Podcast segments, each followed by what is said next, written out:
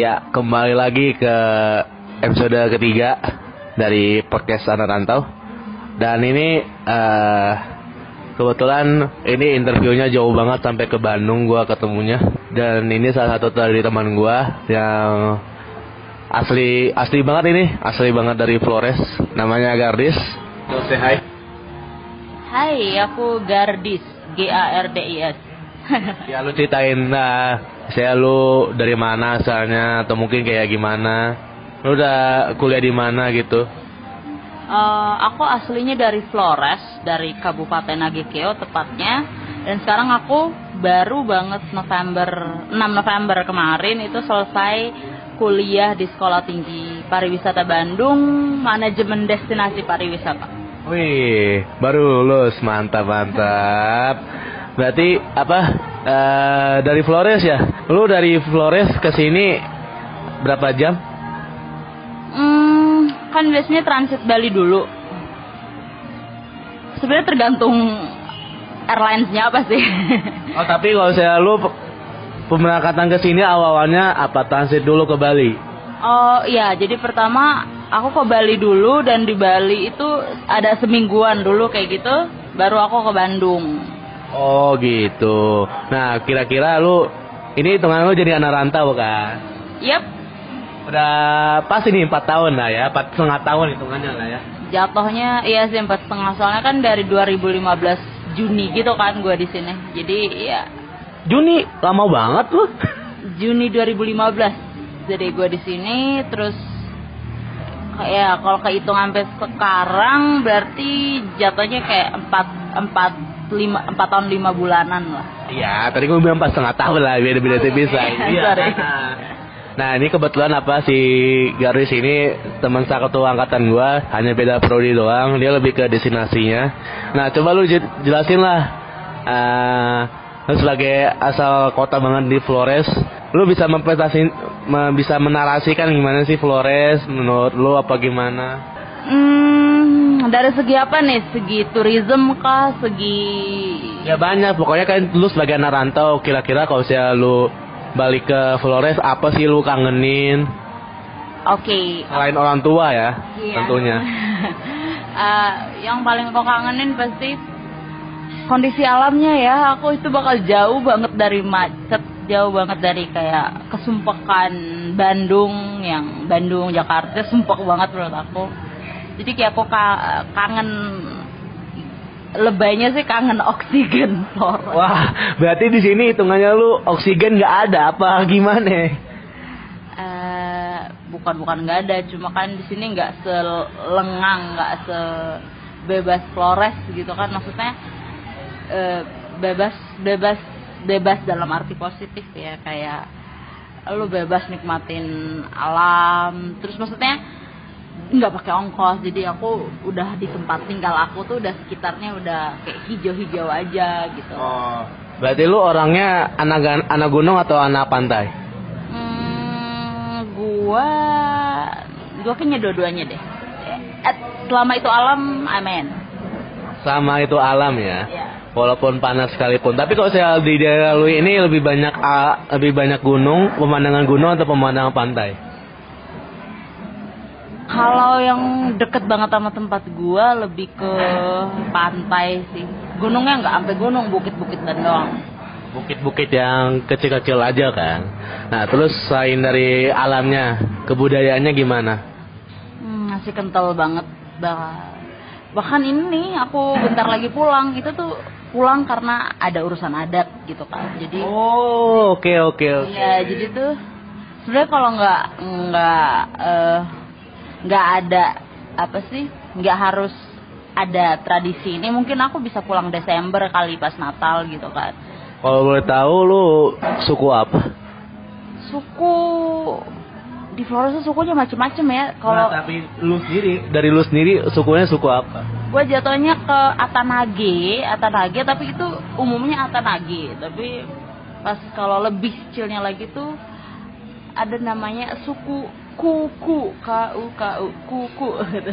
Nah, bisa dicari di Wikipedia atau mungkin di Google terdekat. Ah, aku ragu ada aku ragu sih itu ada bang kayaknya nggak ada Gak ada, waduh. Sampai-sampai orang asli sendiri pun meragukan akan hal itu Iya, ya. enggak enggak maksud aku kayaknya belum ada yang mempublikasikan itu belum ada yang eh, apa namanya belum ada research lah untuk peneli eh, suku apa aja di karena ada beberapa di Flores itu kan ada sebagian ada beberapa suku besar gitu kan dari suku besar ini tuh masih ada kayak anak-anaknya lagi gitu. Nah, kalau yang suku lu ini, suku kuku, benar kan? Kuku, ah, ini termasuknya ini suku anak atau suku yang udah di atas anak-anak anak. Iya, dari kayak pecahan dari Emang kalau boleh tahu suku yang di Flores ada berapa sih? Yang lu tahu aja. Ada berapa totalnya? nggak apa lah. Jadi suku Leo terus di Maumere tuh ada beberapa. Em, kayak aku nggak hafal-hafal banget. Ya oke oke. Gak apa-apa banget. Karena mungkin udah udah nyaman kali. Apa Mungkin karena kenapa gitu. Enggak emang Saking banyaknya jadi lupa gitu kali ya. lupa. Terus bingung juga kayak bahasanya juga nggak mudah kayak bahasa Maumere bahasa di sana kan ada di Flores itu ada beberapa kabupaten yang tiap kabupaten bahasanya beda-beda gitu kan. Dan dan menyebut bahasa mereka itu tuh agak-agak susah untuk orang kayak suku yang di Maumere itu ada nama-namanya yang kayak susah diinget gitu loh susah kesebut Oh gitu. Nah berarti lu hitungannya lu belajar di Bandung itu biar mengetahui lebih lanjut lagi ya tentang suku lu apa gimana mungkin ke arah sana kalau misalnya aku research apa aku sampai ke daerah terus aku buat research apa gitu ya research yang eh, yang relatable sama itu. Tapi tapi kalau tujuan ke Bandung sih biar apa ya aku punya goal sendiri. Kalau aku belajar tourism tuh aku pengen tourism yang berkelanjutan gitu kan. Dan kebetulan Flores itu punya punya daya tarik wisata potensinya potensinya besar banget dan masih masih alami gitu kan. Berarti hitungannya kalau Flores itu bisa jadi salah satu Bali baru ya? Atau mungkin kayak diprospekin buat jadi eh, salah satu dari 10 destinasi baru dari Kementerian Pariwisata kali ya? Eh, Kalau kalau masuk di 10 destinasi top 10 masuk top 10 itu yang di Labuan Bajo, Labuan Bajo dan sekitarnya masuk top 10. Tapi enggak Flores keseluruhan, cuma di bagian Labuan Bajo dan sekitarnya kayak Komodo dan lain-lain. Nah kalau saya lu sebagai asli Flores sendiri Kira-kira ada nggak sih destinasi wisata atau mungkin kayak eh, tempat-tempat yang enak dikunjungi tapi masih minim gitu buat dikunjungin Oh, jadi maksud lo dia bagus tapi eh, tingkat kunjungannya Ah. masih nggak sebanyak Labuan Bajo misalkan Ya, kalau kita kan ke Labuan Bajo kan kayak kita bisa lihat di YouTube kan banyak ya gitu-gitu lah. Maksudnya kayak lu kan sendiri bagi orang Flores asli, kira-kira rekomendasi apa sih yang lu bisa sarankan gitu? Eh, Baik ya dari museum, baik dari pemandangan gunung apa gimana? Em, kalau alam alam sih kayak eh, di Maumere di Maumere itu ada pulau-pulau kecil lagi ada kayak pulau babi pulau Ada Pulau Babi. ya namanya agak-agak nggak tahu mungkin pas kelihatan dari jauhnya mirip kayak gitu kali ya tapi tapi bukan babi banyak di dalamnya sih Soalnya kan kalau bisa dibalik kan banyak monyet tuh. Heeh. Nah, jangan, ini enggak semuanya di pulau itu isinya babi semua kan? Enggak, tapi ada satu yang namanya Pulau Kelelawar itu di Ngada sih. Pulau Kelelawar yang de- ada juga yang di Manggarai. Pulau Kelelawar ini yang dalamnya emang jadi kalau misalnya lo ngelihat pohon hitam aja itu berarti kelelawar tuh kalong tuh kalau misalnya Kalong ya. kalau misalnya mereka terbang baru kayak dur banyak banget Itu kira-kira aksesibilitasnya susah nggak sih? susah masih susah karena eh, bukan susah yang gimana ya, artinya pertama dia jauh bang jauh terus akses ke sananya itu harus kayak udah naik udah lewat darat lo harus naik perahu lagi atau kapal kayak gitu ya perahu mungkin enggak kapal lah ya naik kapal kecil gitu ke pulau Berarti emang kelemahan dari salah satu destinasi itu aksesibilitasnya masih kurang ya? Nah, tapi bentar kan tadi kamu nanya ini kan yang kayak apa? Yang bisa direkomendasiin Iya. yang pengunjungnya masih minim. Pengunjungnya masih minim tapi kira-kira eh, peluang buat di peluang untuk datangin orang itu mudah gitu. Saya kayak tempat ini, tempat tempat A. Bagus menurut lu, tapi tingkat pengunjung yang datang ke sana itu minim. Minim. Nah, tapi ini mengecualikan akses ya. Ya kalau saya akses kan pasti pasti bisa lah. Maksudnya kalau kayak tadi kan pulau Kele- kelelawar kan, pulau kelelawar itu kelemahannya pasti di aksesibilitas kan. Nah ini kita eh, aksesibilitasnya hitungannya udah bisa lah bisa di bisa dijangkau lah. Nah itu kira-kira apa?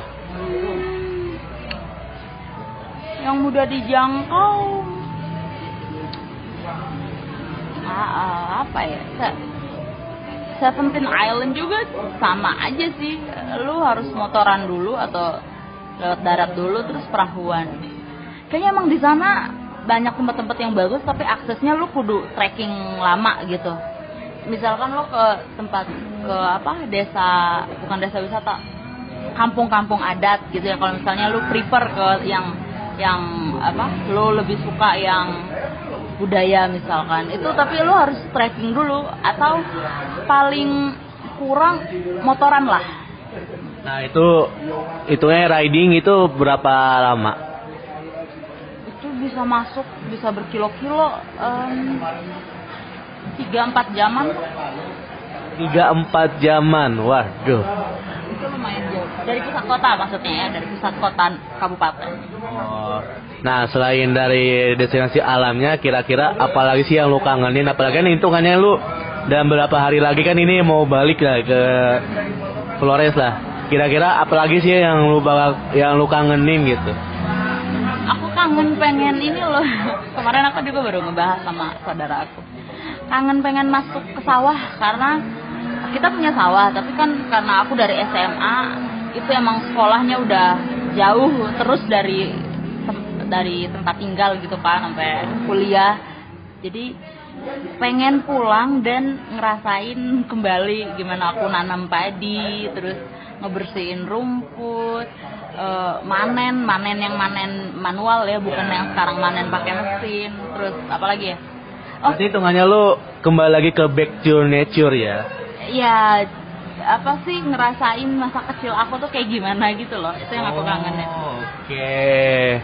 Emang terkadang beda juga sih sama yang orang-orang yang benar-benar tinggal di metropolitan ya. Berarti hitungannya lu eh tadi kan lu bilang kan kayak jauh dari tempat tinggal ya. Itu mulai dari kapan? Umur berapa lah? Hmm, dari awal masuk SMA itu aku kan tinggalnya di Nagekeo, tapi aku SMA-nya di Maumere. Nah, itu tuh beda kabupaten. Jadi aku beda dua kabupaten. Eh, enggak ada yang satu kabupaten. Jadi Nagekeo, abis Nagekeo, Ende dulu, Ende baru Maumere. Nah, gitu. Jadi aku dari Nagekeo aku sekolah maksudnya SMA-nya aku SMA di Maumere. Jadi jauh udah jauh dari orang tua tuh dari usia berapa sih aku tuh masuk SMA? 15 Itulah kita- 15 lah. Lah, kita kan lulus justru di 15. Li- enggak usia usia usia eh, 15 kayak Oh, usia 15 tahun ya. Waduh, berarti ini gua hitungannya tepat banget ya buat buat diajak collab lah gitu. nah, selain dari apa? eh selain yang ke- yang tadi lo bilang yang pengen banget back to nature, apalagi yang lo kangenin? Dari makanannya kah? makanan bener aku kangen ada satu sayur yang kayak masaknya tuh simple banget lu pernah denger sayur kelor mungkin orang Jawa kelor untuk apa gitu tapi kita kelor hijau sih bukan kelor merah Emang apa sih bedanya merah sama hijau? nggak tahu sih aku nggak pernah ngerasain atau makan atau gimana ya pokoknya kelor merah tuh aku kayak nggak pernah nggak pernah aku pernah lihat ya pernah pernah lihat cuma nggak pernah kayak makan atau Nah, nggak pernah cicipin gitu sidanya kan? nggak pernah cicipin nggak pernah ngelakuin sesuatu lah sama si kelor merah ini Dan ini lu pengen balik itu salah satu makanan sayur sayuran yang pengen lu makan itu sayur kelor merah. Enggak Oh bukan. oh bukan kelor kelor hijau sorry sorry sorry. di, di kampung kita kayaknya masih masih kurang banget. Kayak bukan masih kurang kayaknya nggak ada di kelor merah kayaknya. Ah, tapi di sana banyak kelor hijau. Iya, jadi tuh kan ini musim hujan, udah lagi musim hujan kan itu saat-saatnya kayak dia lagi ya lagi seger-segernya lah. Dan itu tuh enak banget. Masaknya tuh simple banget tapi tapi karena aku tuh bahkan menyebut itu sayur ya. Kalau di sini kita kenal kelor tapi kalau di kampung tuh aku kenalnya kayak marungge. Marungge marungge gitu. Nah itu uh, masaknya gimana sih yang lu bilang kok bilangnya lu simple simpelnya sesimpel apa sih? Sesimpel kita masak indomie kah apa gimana? Bisa jadi karena dia cuma ya setelah dipetik gitu kan dari ranting-ranting kecilnya daunnya dipetik cuma ngedidihin air air yang emang diporsiin sama kayak sayurnya lah jangan sampai kebanyakan atau lebih sedikit gitu kan cuma ngedidihin air air didih masukin sayur sambil masukin garam sama ajinomoto atau atau apa? Mecin lah. Ya itu itu tuh, itu namanya. Mecin dikit gitu dikasih kalau mau dipedesin ya dikasih apa? Sama uh, dikasih tahu kemangi? Daun kemangi ya. Oh, daun kemangi yang pahit-pahit itu bukan? Iya iya dikasih itu udah dan dan aku kangen banget sama sayur itu sesimpel itu tapi kangen banget itu tuh bisa dibilang kayak sayur kebangsaan kampung gue gitu. Jadi hitungannya trademark dari kampung dia ya itu tadi sayur telur hijau. Kelor atau kelor sih? Kelor. Kelor ya. Kelor kata lu. Iya ya. Nah selain dari sayur, apa lagi? Kira-kira yang makanan khas gitu, yang apa gitu? Khas, um, pengen bos jagung bose jagung bose tuh uh, jagung yang di bukan jagung yang udah bersih dari kulit arinya biji jagung yang kulit arinya udah dikupasin okay. dimasak sama pakai brandy bon tau brandy bon oh lo nggak tau kacang merah. Ngomong banget bahasa ya tapi emang gua nggak tahu sih emangnya ya. Yeah. terus lanjutin lanjutin. Kacang merah kacang yang gede itu apa sih? Yang merah gede itu? Uh, red bean? Ya kacang merah berarti. Ya itu bahasa Inggrisnya justru ya gua nggak tahu gua nggak tahu gua nggak tahu nah, itu kacang merah dicap dimasak direbus barengan itu terus uh, setelah itu udah mateng dikasih santan ber, itu mantep banget gurih banget terus dikasih apa ya garam lah berarti hitungannya itu jagung bose itu Bener kan pelafalan gua kan jagung bose itu hitungnya dessert bukan? Enggak.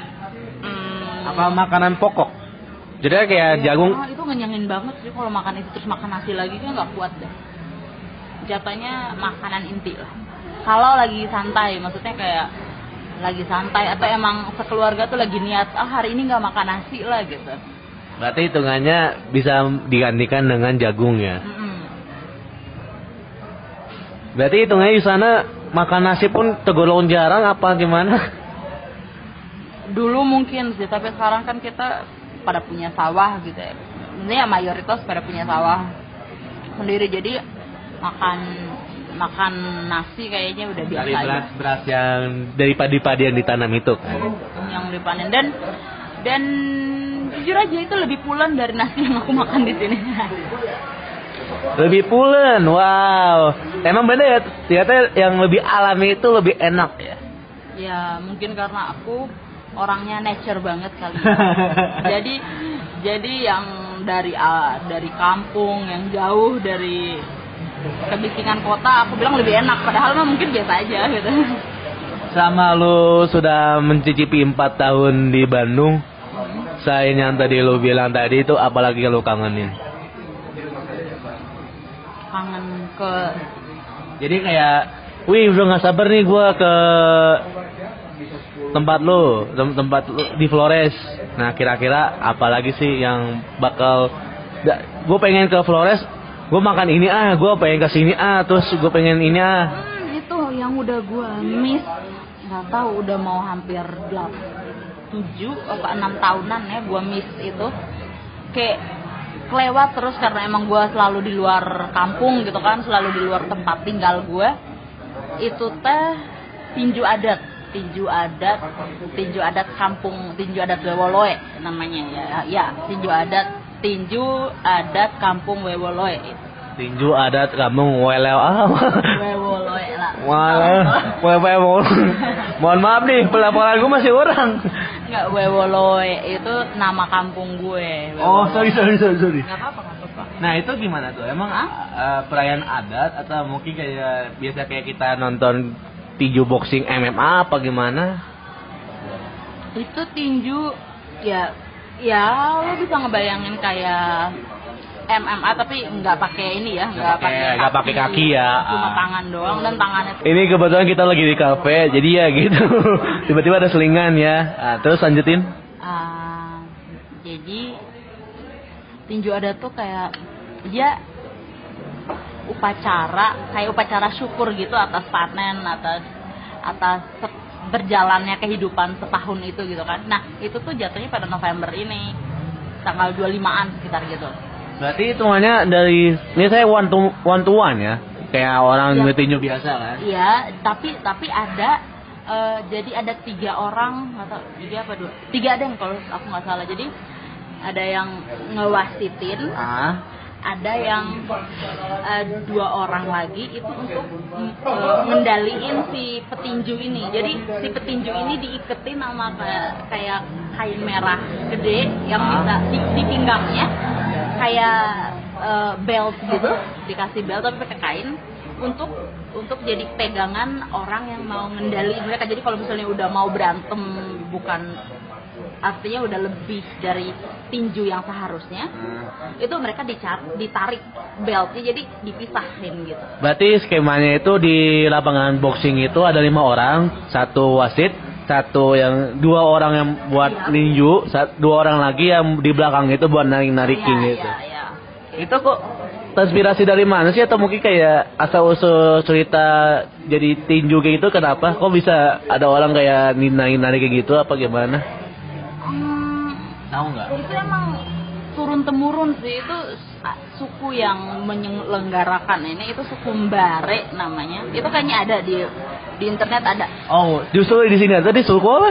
suku Mbare itu yang Suku Mbare. Iya, Oke. M B A N E E Mbare, Mbare, pakai e belakangnya. ya Terus? Jambare itu ada dan itu itu emang tiap tahun diselenggarain untuk ya itu tadi kayak upacara syukur karena mereka udah panen upacara syukur atas kehidupan yang udah telah berlangsung selama tahun itu gitu. Keren juga ya. Dapat konsep dari mana tuh? hmm enggak emang udah tradisi kayak gitu jadi ya ya contohnya kayak kita aja kan misalkan zaman sekarang kita Kayak kita contohnya kayak kita contohnya lulus lah, lulus perayaannya apa? minum gitu. ya ke pub misalnya ke bar misalnya Iya, iya, kayak iya. gitu ya dulu mereka dengan kayak gitu Kayak dengan gitu aja udah seneng ya. Tapi itu siangnya jadi siangnya siangnya acara itu tinju itu malamnya itu ada yang namanya ya Allah kelamaan di luar lupa gue namanya. Wa, wa, wa- Wah parah ini lupa sama rumah sendiri. enggak ak- kita tuh nyebutnya Wiembela. Wiembela itu malam tinju. Jadi kayak malam tinju yang ada musik-musik apa sih? Dikasih gong dikasih musik gong gendang. Orang nari orang nari nari-nari adat gitu kan. Tapi nari yang biasa yang aku nyebutnya tuh wai sekutu. Jadi orang kayak ngeli- orang ngelingkar Ah. orang ngelingkar sambil pegangan tangan terus gerakan kaki yang lebih ditonjolin gitu Oh gitu. Nah terus itu berarti hitungnya tinjunya itu di lapangan terbuka ya? Hmm, jadi emang ini kampung adat. Nah kampung adat itu ya gue ngejelasin kayak ada visualnya. jadi jadi ini sih uh, gua ceritain itu kayak orang-orang ini melingkar, tahu kan melingkar kayak buletan gitu, ah, terus Mm, Enggak, jadi kampung adat. Ah. Kampung adat di tengah lapangan itu ada ada satu apa ya satu ada pusatnya gitu yang em, altar altar altar yang kita sebut ngandung itu kayak pusat dari kampung adat itu nah, dan eh, rumah-rumah adat rumah-rumah adat itu ngelilingin si area ini area kosong ini nah upacara tinju dan upacara malam tinju itu dilaksanakan di area kosong itu jadi seperti kalau orang mau nonton gitu kayak kayak tua-tua adat nontonnya mereka dari rumah adat kayak gitu ngeliatinnya Oh gitu, oke oke. Berarti itu emang ditonjolkan banget ya dari dari kampung lu ya. dari kampung aku itu luar biasa acara yang maksudnya acara adat yang lumayan besar Itu setahun sekali apa gimana? setahun sekali Oh berarti pas masa panen doang kan ya? Biasanya kalau musim panas mas bulan-bulan berapa aja sih yang bisa diselenggarakan pas acara begituan? Kalau dia sih, kalau dari dulu emang selalu di bulan November, November akhir, awal-awal Desember kayak gitu. Berarti lu jangan-jangan pengen nonton itu lagi pas lu Emang emang emang itu salah satu ya, salah satu yang bisa lah Highlight ya. Iya, salah satu yang bisa aku peroleh langsung gitu pas pulang nanti adalah itu. Karena bentar lagi. Oke, itu uh, kalau boleh tahu nih acaranya berapa hari sih? Oh, acaranya itu jadi sebelum ada upacara adat tinju adat ini sama malam tinju tadi, itu emang dari berapa hari sebelumnya ya? Jadi ada acara yang kayak harus kasih makan leluhur dulu dan itu berhari-hari. Oh jadi itu gitu main eventnya itu tinjunya, baru yang kayak pre eventnya ya tadi kasih makan Nah, luhur Nah, tuh. kasih makan leluhur tiap malamnya tuh pasti orang pada datang main gong, gendang kayak gitu. Datang ke rumah adat itu. Ada post eventnya nggak? Post event. Jadi kayak habis habis dari lom, dari kayak lomba tinju tadi ada event kelanjutan lagi nggak? Apa Kayak- justru itu Kayaknya pos yang posnya itu malam tinju itu deh. Kalau aku nggak salah inget. itu Iya. tadi main event, berarti main event nggak ada post event dong? Enggak, jadi abis main eventnya itu kan bentar dari tinju pertama tinju para anak kecil dulu tinju anak Oh. kecil itu sehari sorenya jadi misalkan ini hari Jumat Jumat Ya. sore eh, tinju anak kecil anak kecil yang tinju nih Ah, anak Nah, kecil pas ini tuh kategorinya sampai umur berapa? sampai kayaknya sampai 12 13 Oke. Nah, Ah. kayak gitu. Terus pas besoknya itu baru tinju para orang dewasa gitu. Itu kalau buat anak kecil itu untuk cewek juga boleh nggak sih? Oh, oh iya aku lupa. Cewek nggak boleh. Ba- bahkan ketika orang ketika para cowok lagi tinju, misalnya aku cewek, aku keluarga salah satu petinju di dalam itu, aku nggak boleh masuk ke area. Kan ada bata dibatasin kan lingkaran itu tuh dibatasin sama batu-batu yang dibuat berbentuk lingkaran. Nah kayak nggak boleh ngelewatin lingkaran itu. Karena katanya kalau ngelewatin misalnya kan adek aku atau ya let's adek aku lah yang lagi tinju. Terus aku eh, karena dia kalah atau dia ditonjok gitu kayak jadinya aku histeris terus aku tiba-tiba masuk bisa jadi adek aku itu yang kayak hidungnya berdarah atau dia pingsan atau pokoknya jadi berdampak buruk ke adek aku yang lagi tinju gitu. Wow, itu kayak lucu juga sih. Jadi maksudnya kayak pengen ngebantu tapi secara nggak sadar kayak dari cerita lu tadi itu kayak makin membuat dia makin terpuruk Ya, lagi kan. Jadi eh, makanya itulah ada harus ada yang tadi yang tiga orang itu yang satu wasit dua orang yang mengendali. Lima dong, bukan tiga. Tiga itu pengendalinya, dua orang itu petinjunya kan. Justru pengendalinya tiga. No, pengendalinya dua, wasitnya satu. Iya, tadi gua bilang total di lapangan itu Ah, lima kan. Iya.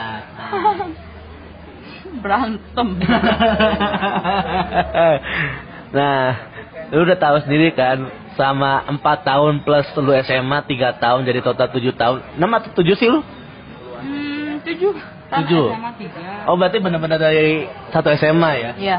Nah, selama 7 tahun ini lu pasti udah mengenal dengan kata tanggal tua. Istilah yang sangat kental banget dari anak rantau. Nah, itu gimana cara udah udah tahu tanggal tua, udah dapat duit udah makin tiris atau mungkin kayak aduh. udah ada duit. Nah, itu gimana cara mensiasatinya? kadang kadang sih aku nggak terlalu orang-orang yang mana dulu yang kayak aku minta atau aku pinjem gitu kan tapi gimana ya Eh, gini jadi uh, pas aku baru masih masih ya masih kecil-kecil masih SMA baru awal-awal kuliah itu aku masih kayak berani banget untuk kayak pinjem dong pinjem dong. Tapi pas udah makin tua gini aku malu gitu loh kayak oh berarti tuanya lu udah ngaku tua ya sekarang maksudnya ya bisa bisa lah bisa lah. Maksudnya dengan bertambahnya umur kayak aku ngerasa aduh kok aku pinjem sih? Tapi tetap aku balikin cuma kayak udah nggak enak aja cuma itu salah satu cara kalau aku udah emang kehabisan ya aku pinjem. Dan aku ngasih tahu ke orang tua bahwa aku pinjam ini untuk sambil nunggu uh, sambil nunggu kiriman nah kirimannya. Uh, kirimannya aku minta dilebihin biar untuk ngembaliin gitu kan. Aku emang apa ya belum se belum se gimana sih belum seterampil belum sehebat teman-teman yang lain yang emang sambil kuliah sambil kerja kan? Ya hitungannya part time lah ya. Nah, atau mungkin daily worker gitu. Iya. Nah aku belum kayak mereka jadi jadi ya belum belum bisa aja gitu loh. Belum bisa punya uang sendiri selama ini tuh sebenarnya. Berarti hitungannya lu dikasih sama orang tua itu benar-benar per bulan. Jadi hitungannya kayak per tanggal ini dikasih. Nanti pas bulan depannya tanggal segini juga apa mungkin kayak kriteria lu kayak duit lu udah habis baru ditransferin. Tapi mungkin yang kedua sih nggak mungkin tapi kan kata lu kan sistemnya pinjem iya, kan. jatuhnya kayak gitu. Jadi kadang duit gue udah nipis banget gitu udah nipis banget baru baru di baru dibilangin ke orang tua mah pak uang lagi habis. Nah, biasanya selalu dikasih pas awal-awal bulan awal-awal bulan dikasih brek ini untuk sebulan gitu. Dibilangin ini untuk sebulan. Tapi ternyata setelah aku beli semua perlengkapan namanya juga cewek kan banyak banget tetek bengeknya. Udah dibeli semua udah kayak stok-stok makanan juga udah di tapi pas apa namanya pas dal kenyataannya ya masih aja gitu ada yang kurang. Nah ya udah harus minta lagi gitu. Sebenarnya malu juga sih kayak udah dikirim udah dikasih terus minta lagi. Tapi ya ya gimana nah apalagi masih anak bapak mama gitu.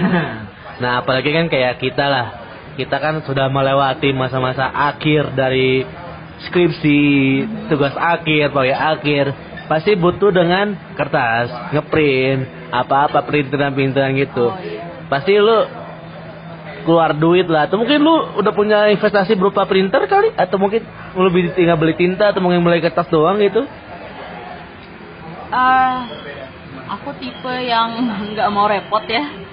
Jadi emang sengaja aku nggak menginvestasikan printer karena karena aku males. Maintenance-nya tuh nggak maintenance-nya pasti nggak pasti butuh biaya juga. Jadi kayak aku nggak mau ribet sama itu. Aku tinggal ke tempat fotokopi dan ngeprint gitu di sana. Berarti uh, lu mau merelakan hitungannya uang jajan lu demi ya cuman selembar dua lembar terus ya lu tahu sendiri kan dosa pemimpin tiba-tiba ngajoret ngecoret hasil lu lah bagaimana revisi revisi lu boleh tahu nih, boleh buka-bukaan nggak nih? Lu pas sampai sekarang dari itu hitungannya kan bulan nyus, lu mulai nyusu bulan Maret kan?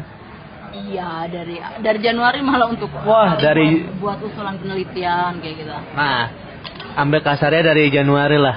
Januari sampai bulan Oktober ini, lu udah keluar duit berapa buat perintilan khusus?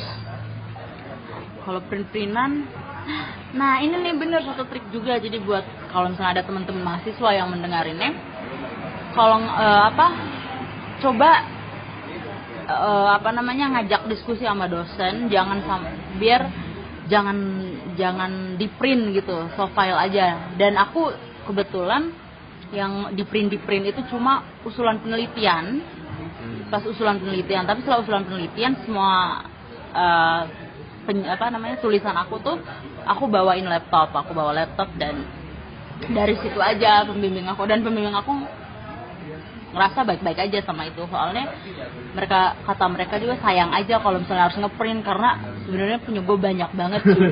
206 lembar bayangkan bab 1 sampai bab 5 206 lembar. 206 lembar itu pun satu rangka.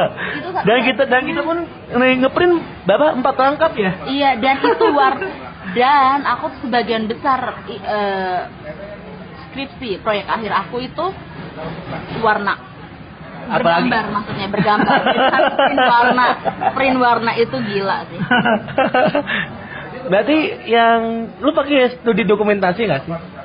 Mm, Nah, itu dia. Dokumentasi kan pasti foto-foto berwarna juga kan. iya bener nah itu. Jadi solusi dari temen gue ini kalau saya anda anda yang semester 7 atau mungkin semester semester akhir yang pengen skripsian atau mungkin kayak tugas akhir dan tergantung dari institusi institusi eh, tempat kampus kalian ya saranin mendingan konsultasi sama dosen lu kayak gimana sih? Kira-kira boleh nggak sih kalau saya soft soft soft file aja atau mungkin kayak bawalah modal lah gitu laptop ke dia gitu setiap bimbingan gitu loh Pak ini saya mau bimbingan tapi eh, demi menjaga lingkungan.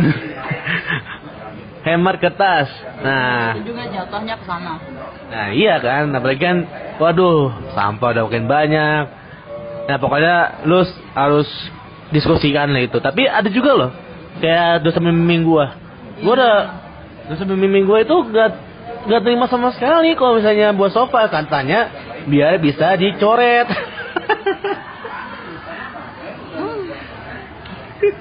aku sebenarnya agak sedih sih sedih sebenarnya aku kalau ada dosen pembimbing yang kayak gitu. Karena pertama sekarang ya mereka harus memaksakan diri untuk ngikutin zaman dong. Dan dan apalagi kita ya kita selalu apa sih pro pro lingkungan gitu kan. Tourism kita selalu pengen sustainability tourism sustainable tourism. Dan itu dan dengan pengurangan kertas itu kita sebenarnya udah lagi mengusahakan keberlanjutan lingkungan itu yang dimaksud. Tapi ya itu itu lingkupannya jauh banget neng. Pada hitungannya kalau kita gitu mah magar juga kita ngeprint. Gua duit banyak banyak mendingan ya udah soft file aja itu. Benar kan kayak gitu juga bisa kan? Ya itu itu kalau ya bisa. Itu itu ya tapi kalau ideal karena tapi yang dalam pikiran aku dan yang aku diskusiin juga sama pembimbing aku tuh nggak sekedar keuntungan yang aku ambil. Aku nggak harus ngeprint aku harus capek-capek ngeprint aku nggak harus ngeluarin duit buat kertas. Nggak cuma itu ternyata. Jadi kita emang ngediskusiinnya jatuh ja, ngelihatnya lebih ke sana dengan mengurangi kertas. Dan biar STP yang tadinya mengedepankan sustainable tourism bisa bisa seenggaknya direalisasikan dengan hal-hal yang kecil kayak gitu. tapi Eh, kan BTW STP itu nama kampus gue ya. Iya tadi kan gue udah bilang Swatingnya Pariwisata Bandung. Iya. Iya, gak apa-apa disingkat. Nah terus pertanyaan berikutnya, di sana eh, lu sebagai anak rantau, kira-kira yang tadi tentang anak tua, jadi eh ada anak tua lagi, anak anak, anak tanggal tua. Terus kira-kira apa sih menurut lu selama 4 tahun di kuliah di Bandung itu beda banget beda beda beda bedanya dari tempat lu kuliah sampai yang sekarang ini apa bedanya? Dari yang tadi lu bilang cuman dari macet doang apa gimana? Ada apa ada lagi nggak per- perbedaannya? Em, cuaca cuaca di sana lebih dingin apa gimana sana panas banget. Eh, di sana tuh ada jadi kalau di bagian yang pegunungan gitu itu ada tapi yang dekat-dekat pantai panas. Nah aku tempat tinggal aku kebetulan di dataran rendah jadi panasnya apa kabar gitu kan. panasnya berapa derajat kira-kira Entah itu pengku apa detektor apa namanya pengukur suhu ya? Apa sih? iya iya. Itu salah atau akunya yang lebay? Aku nggak ngerti tapi aku pernah ngukur dan itu tuh kalau nggak salah tuh hampir 38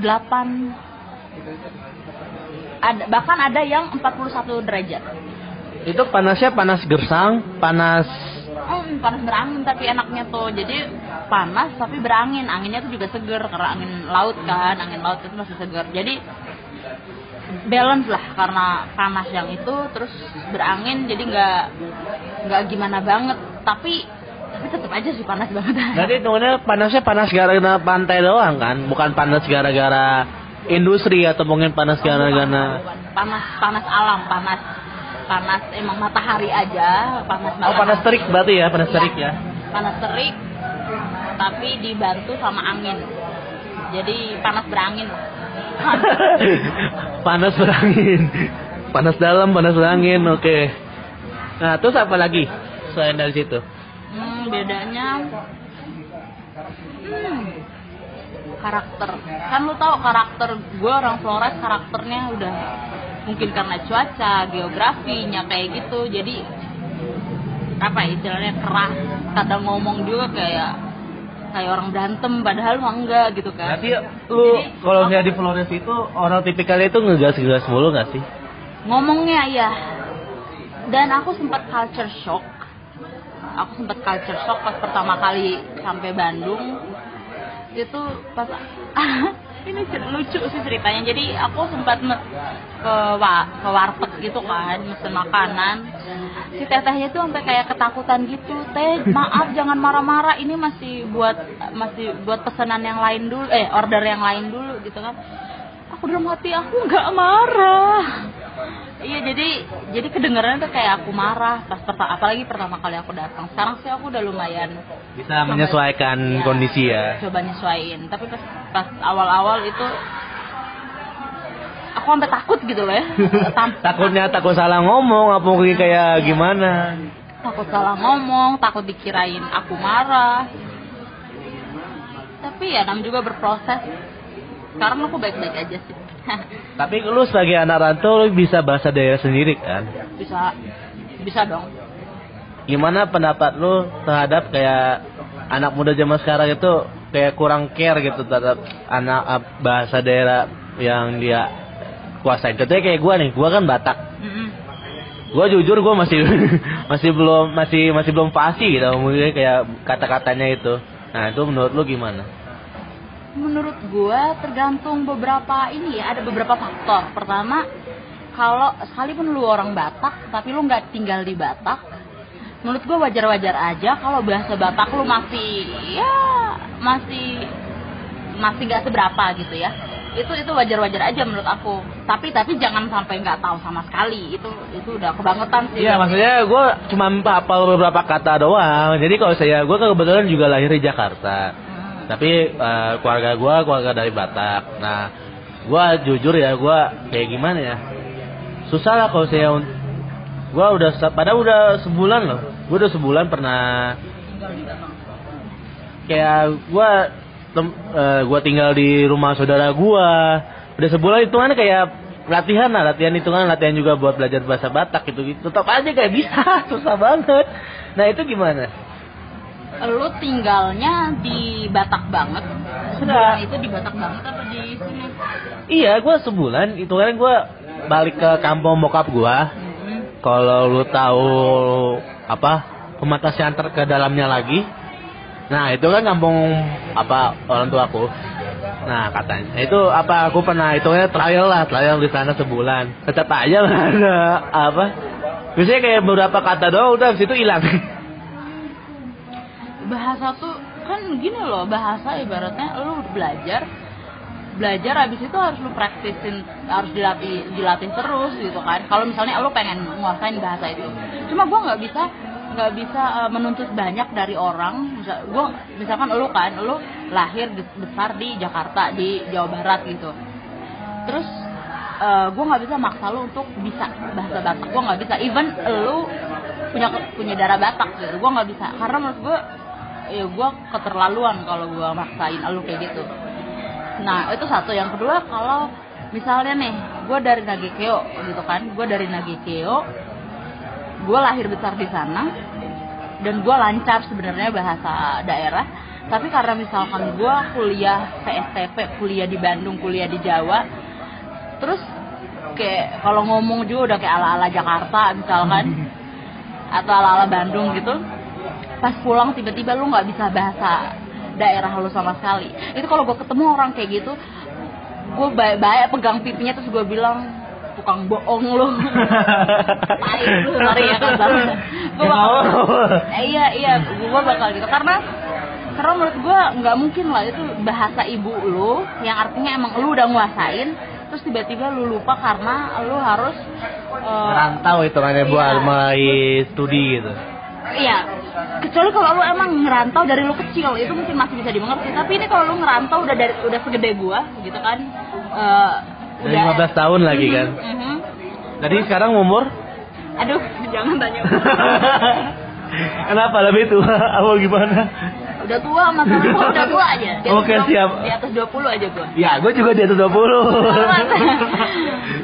Intinya gitu. Jadi kalau misalnya udah bisa apa pulang ini pesan aja pesan juga sih buat teman-teman kadang orang di kampung gitu ya kayak ngerasa ngerasa mereka ngerasa terharu ketika kita udah lama nggak balik kampung tapi pas kita balik ya kita masih nyapa mereka dengan bahasa yang mereka kenal gitu kan. Bahasa yang emang bahasa ibu bahasa kampung gitu kan. Itu kerendahan hati kita tuh bisa kelihatan juga gitu di situ dan kalau em, m- eh, apa namanya?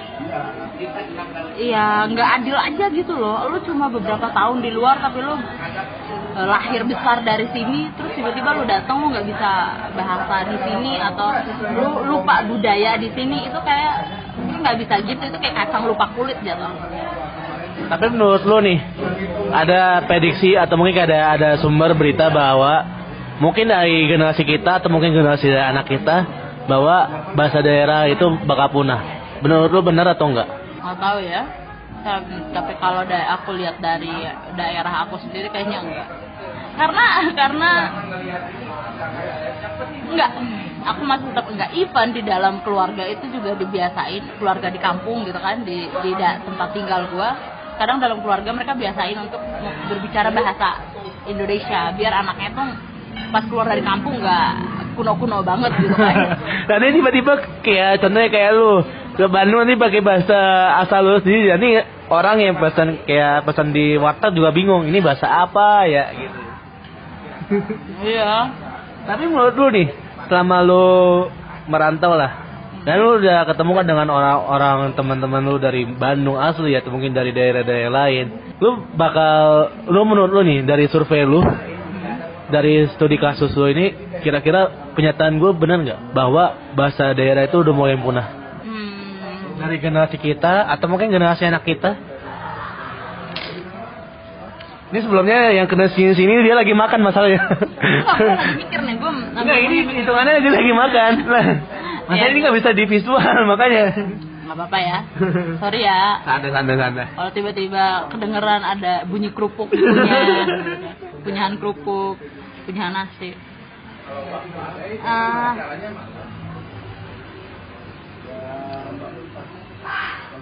sebenarnya untuk kayak tadi aku bilang untuk buat orang bisa berbahasa daerah itu kan ada beberapa faktor kan.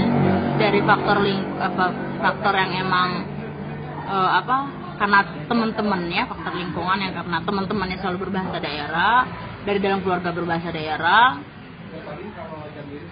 hal berarti tergantung tempat tinggal. Jadi kalau misalnya kayak lu aja lu Batak tapi lu tinggal di Bekasi ya tetap ya berarti bahasa Batak terancam punah let's say kayak gitu. Hmm. karena lu juga nggak dibiasain ngomong pakai bahasa Batak kan di rumah. Cuma kan nggak semua orang nggak semua orang tinggal jauh dari tempat aslinya kan.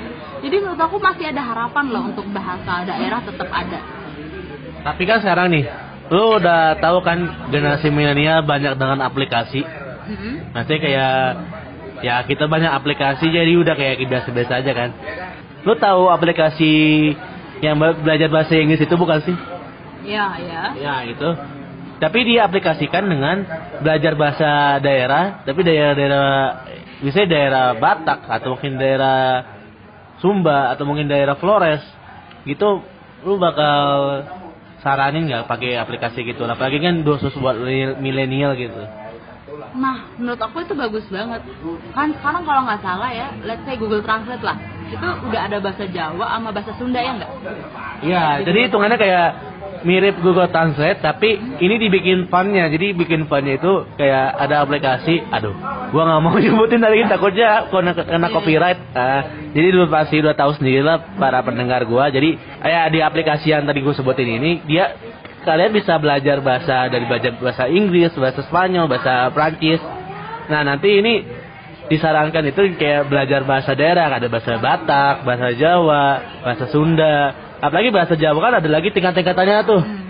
buat yang Sunda yang buat halus Sunda yang buat kasar atau mungkin buat yang teman. Nah gitu.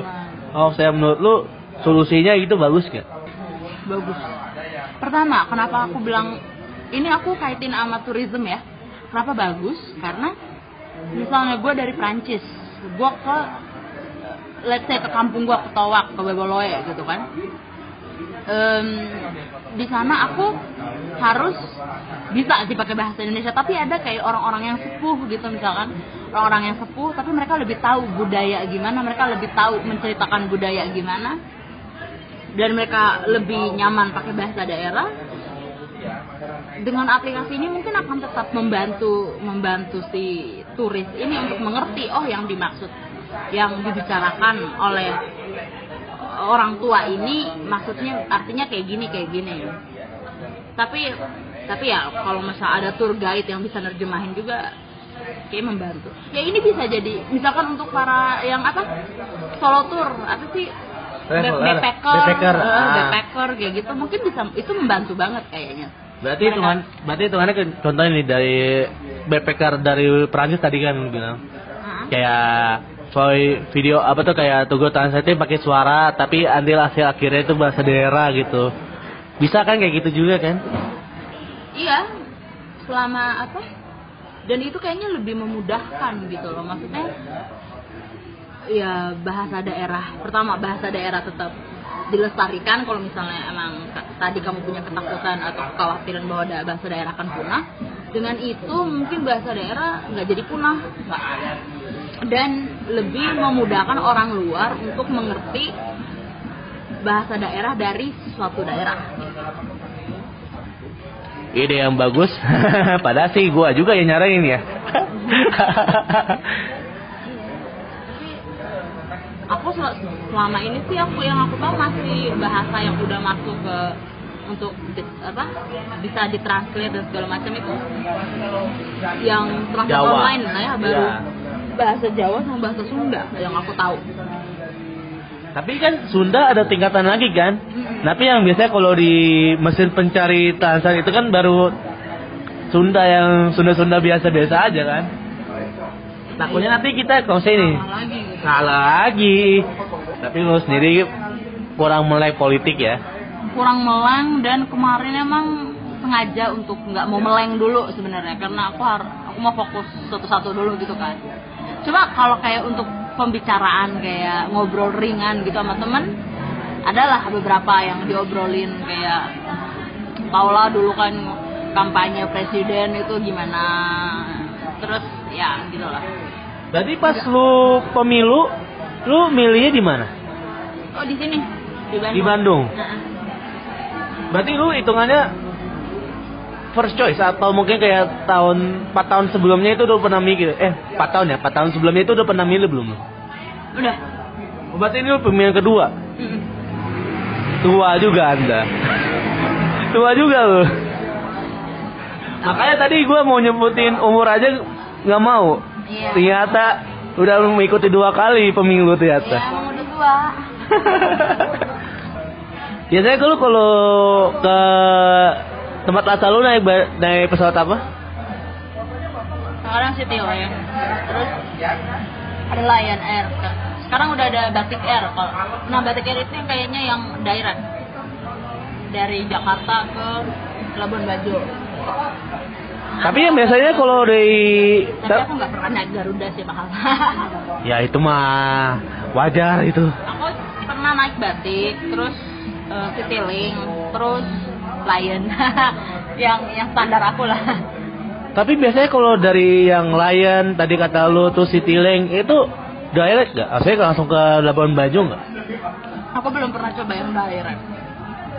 yang direct ada ketika aku udah belum ada rencana libur jadi beberapa tahun itu aku nggak liburan kan dua tahun terakhir itu aku nggak liburan kan eh ya 2018 2019 aku nggak liburan jadi jadi aku nggak pernah belum pernah naik yang direct yang direct tuh muncul kalau nggak salah baru dua tahun terakhir Baru dua tahun terakhir ya. Itu daerah dari Ban dari lu beneran dari Bandung apa lu harus ke Suta dulu? Soekarno Hatta. yang kemarin gue pernah gue ada yang dari Jakarta dulu ada yang gue langsung dari Bandung Ada dari Bandung langsung ke Labuan Bajo. Enggak, Oh. enggak maksudnya maksudnya eh, departure-nya aku dari Bandung dulu tapi itu nggak direct itu ke Bali dulu Oh, tapi kembali lagi kan yang transitnya di Bali juga kan. iya Tapi kalau saya total, kalau direct itu berapa jam? Em, tiga setengah dapat lah Tiga setengah jam langsung nyampe ke Labuan Bajo dari Jakarta. ya harusnya sih aku belum pernah coba yang direct btw dan belum ngecek juga itu berapa Kenapa lu nggak direct aja? Kenapa lu harus transit? Apa mau mencari harga murah? itu faktor utama karena itu fak- faktor harga faktor utama Biasanya kalau harga tadi kayak lu itu transit itu kena berapa sih? hmm? Kisaran harga berapa? oh kalau ke aku kemarin pergi pas emang pas high season kan pas mau Natalan jadi ya kenanya tuh dua dua lebih dua empat lebih Itu transit, transit ke Bali. Kalau direct apa ya lupa oh iya Oke, berarti sekitaran di atas 2,4-an ya berarti ya. harusnya sih Nah, habis dari Labuan Bajo ke tempat lu itu naik transportasi apa? hmm, harus darat Maksudnya kayak mobil dari mobil orang tua lu gitu apa gimana? Bus. Tapi selama ini aku nggak pernah lewat Labuan Bajo. Aku selalu lewat Maumere Oh, berarti hitungannya nih lu transitnya dari Bali bisa ke Maumere langsung Maumere itu dari Bali ke Maumere berapa? apa? Ya, jam penuh itu berapa durasinya lah? Perginya berapa lama? satu setengah jam lah. Kalau dari Bali ke Maumere kalau nggak salah kalau nggak salah inget ya satu setengah jam.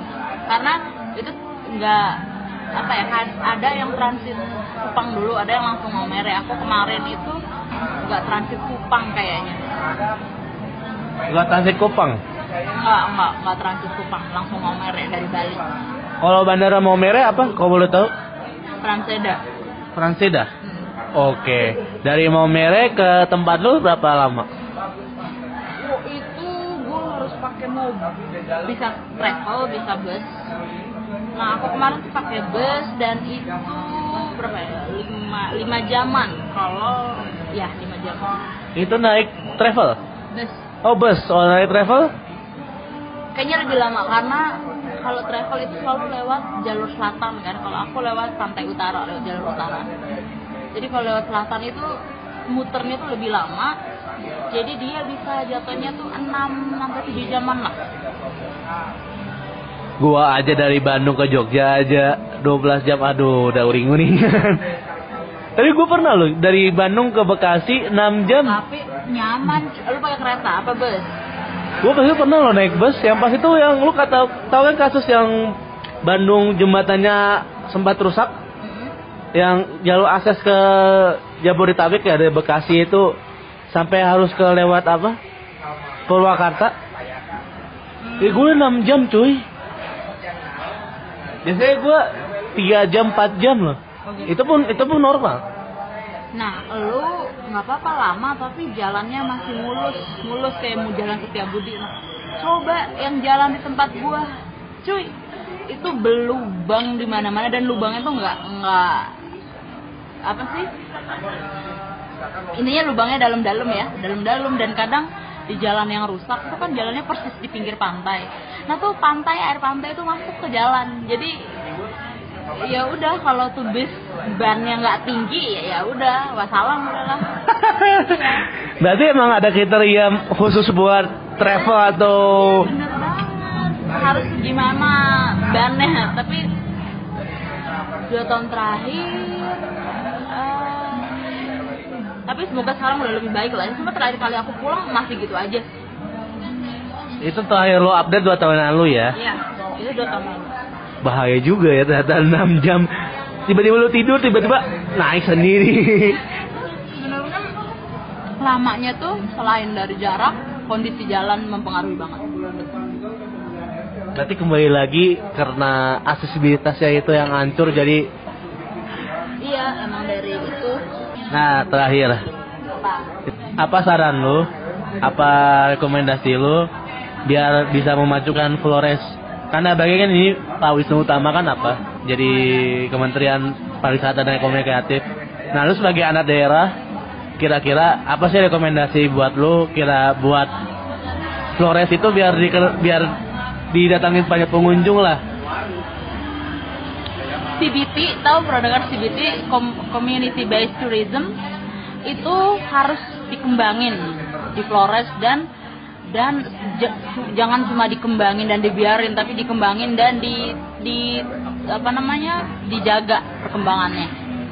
Itu community based tourism itu kayaknya penting karena masyarakat Flores juga kayaknya banyak banyak yang emang belum ngerti tourism tourism tuh harusnya tuh gimana gitu jadi di sana dan sosialisasi sosialisasi tentang tourism tentang pariwisata nggak boleh cuma apa sih nggak boleh gitu-gitu aja. Harus emang harus intens intens untuk sosialisasi. Terus jangan cuma di daerah-daerah yang eh, yang kelihatan ada tempat wisatanya aja tapi harus daerah-daerah tetangga dari si tempat itu.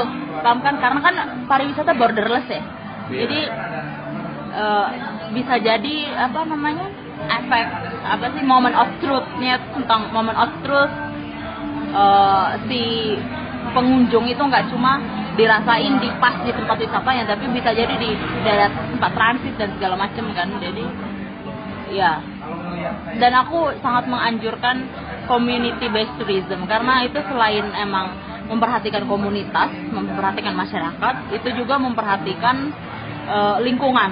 Itu memperhatikan lingkungan. Dan emang udah seharusnya pariwisata itu kan goalsnya itu supaya menyejahterakan masyarakat satu dan melestarikan lingkungan. Itu goals tourism itu sendiri. Jadi aku setuju kalau CBT program CBT dikembangin di Flores. Dan eh, apa? Dan Flores ini kan main attractionnya itu tuh ada tur- eh, nature sama apa satu? Budaya culture kan sama budaya. Jadi biar budayanya tetap lestari, nature-nya tetap terjaga. CBT, terus eh, kayak agrotourism, itu semua tuh bisa bisa di cover sama CBT kalau kalau misalnya komunitasnya udah ngerti, udah ngerti ngerti dengan baik tentang pariwisata kayaknya bisa. Berarti hitungannya selama ini eh, dari orang-orangnya itu orang-orang dari daerah lu itu ramah nggak sih kalau ada ada turis yang datang atau mungkin kayak sensitif atau mungkin kayak contohnya nih eh, para vlogger atau mungkin kayak pengen merekam pengen mengabadikan momen di daerah lu itu apakah sensitif atau kamera atau mungkin kayak ramah atau mungkin kayak gimana? eh kita termasuk sangat ramah. Orang-orang Flores maksudnya termasuk sangat ramah dalam menyambut turis kan. Tapi ada ada yang masih bermindset bahwa oh turis tuh banyak uang. Mereka datang kayak mau ngebagi-bagi uang aja gitu. Kayak ada yang bermindset kayak gitu. Jadi dan dan dan mereka belum dikasih apa sih belum dikasih pengetahuan bahwa harus eh, apa alam tuh harus dijaga biar tetap bagus biar turis tetap bisa tetap mau datang kayak gitu tuh kayaknya masih minim banget sosialisasi yang kayak gitu gitu jadi jadi aku takutnya kayak turis datang sekali oke ramah mereka masih di atas standar ya untuk tingkat keramahan. Eh, tapi takutnya karena mereka nggak diedukasi dengan baik tentang pariwisata si masyarakat masyarakat ini maksud aku eh, turis datang sekali karena mereka nggak ngerti apa-apa mereka memperlakukan dengan apa namanya eh, yang nggak seharusnya kayak gitu. Ya turis cuma datang sekali dan nggak mau datang lagi takutnya kayak gitu. Sama sama perlu banget untuk uh, diedukasi untuk uh, penanggulangan plastik di Flores yang masih alam aja itu kayaknya udah nggak ketolong aja bukan nggak ketolong sih tapi udah udah lumayan berat sih untuk sampah plastiknya. Berarti hitungannya kebijakan untuk penggunaan plastik di sana masih gratis apa? Contoh kayak di Bali lah. Kita ambil contoh di Bali tuh kalau saya penggunaan plastik satu plastik malah harganya lima ribu. Ya di daerah lu? Tetap, tetap ini tetap dikenain tarif juga pasti plastik. Tapi kalau di daerah lu?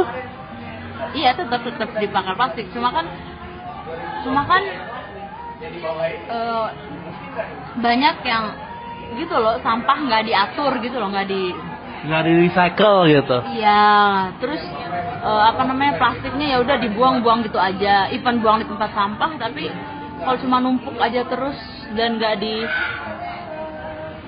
belum ada dan mungkin bukan cuma daerah gua ya kayaknya di hampir di semua daerah permasalahan plastik tuh kayaknya uh, emang jadi masalah semua orang ya nggak? Bahkan di ya, itu mungkin masalah umum kali ya makanya ya, makanya jadi ada salah satu teman gua yang mungkin baru di sebelah itu pakai ada penelitian tentang sampah juga. Apa yang jadi bikin skripsi gitu loh. Tapi iya emang berat tapi kalau kalau jatuhnya ke pengunjung sama uh, masyarakat misalkan ya. Uh, biar biar pengunjung tetap mau datang pertama kan masyarakat harus diedukasi bagaimana berkomunikasi dengan pengunjung. Berarti pengetahuan katakanlah satu bahasa yang paling global bahasa global yang memang harus diketahui semua orang bahasa Inggris enggaknya yang dasar-dasarnya itu bahasa Inggris terapan untuk um, untuk melayani turis untuk menerima turis itu enggaknya mereka harus tahu tapi nggak semua tahu gitu kan. Nggak semua uh, maksud aku bukan it's okay nggak semua yang tahu tapi seenggaknya sebagian besar tahu ya kan. Nah, ini tuh masih sebagian kecil masih kecil banget yang bisa untuk berkomunikasi pakai bahasa Inggris gitu. Dan itu juga jadi jadi gap nantinya si wisatawan sama masyarakat lokal gitu Berarti hitungannya inspirasi dari yang tadi gue sebut yang tadi gue sebutin bahwa perlunya aplikasi buat perantara contoh kayak dari turis asing pengen bisa berkomunikasi dengan lokal sekitar pakai aplikasi itu berarti solusi yang terbagus ya berarti ya. Itu bagus menurut aku. Nah, itu bisa jadi saran buat Kementerian Pariwisata dari anak daerah. ya, mungkin ini podcast paling lama dari tiga episode terakhir, eh tiga episode ini. Sampai jumpa di episode berikutnya. Dan salam anak rantau.